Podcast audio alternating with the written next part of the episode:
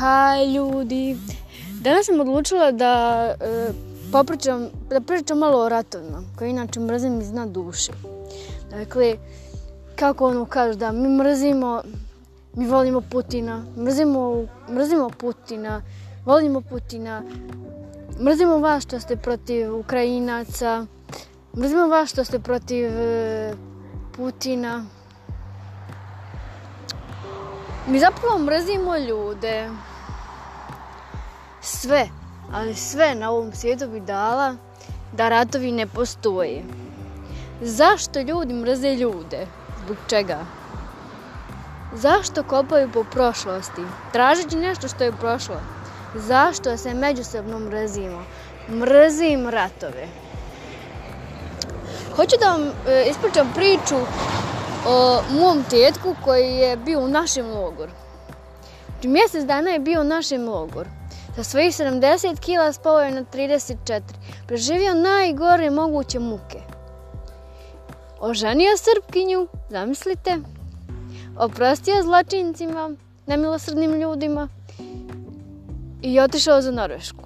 Bog mu je sad dao sve. Baš zbog toga što na to gleda kao na zločince, na nemilosrdne ljude. On jednostavno poštuje srpsku vjeru.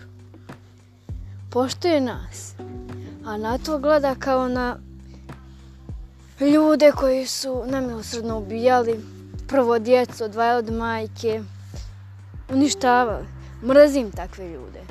Nebitno da li su on Srbi, Bosanci, Hrvati. Apsolutno nebitno. Mrzim ih zato što su to radi. Sve na svijetu bi dala, ponavljam, sve.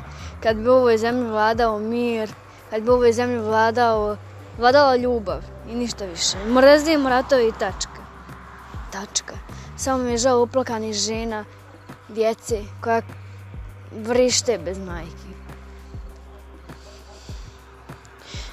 hajde da se volimo malo više, hajde da se malo više pomažemo.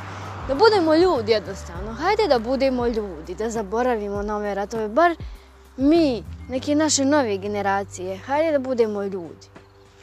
Učinimo nešto bolje za sebe, nemojmo mrziti druge zbog prošlosti koja je prošla i koja se nadajmo se neće, a kako je počelo vraća se molim vas kao generaciju, hajde da se volimo.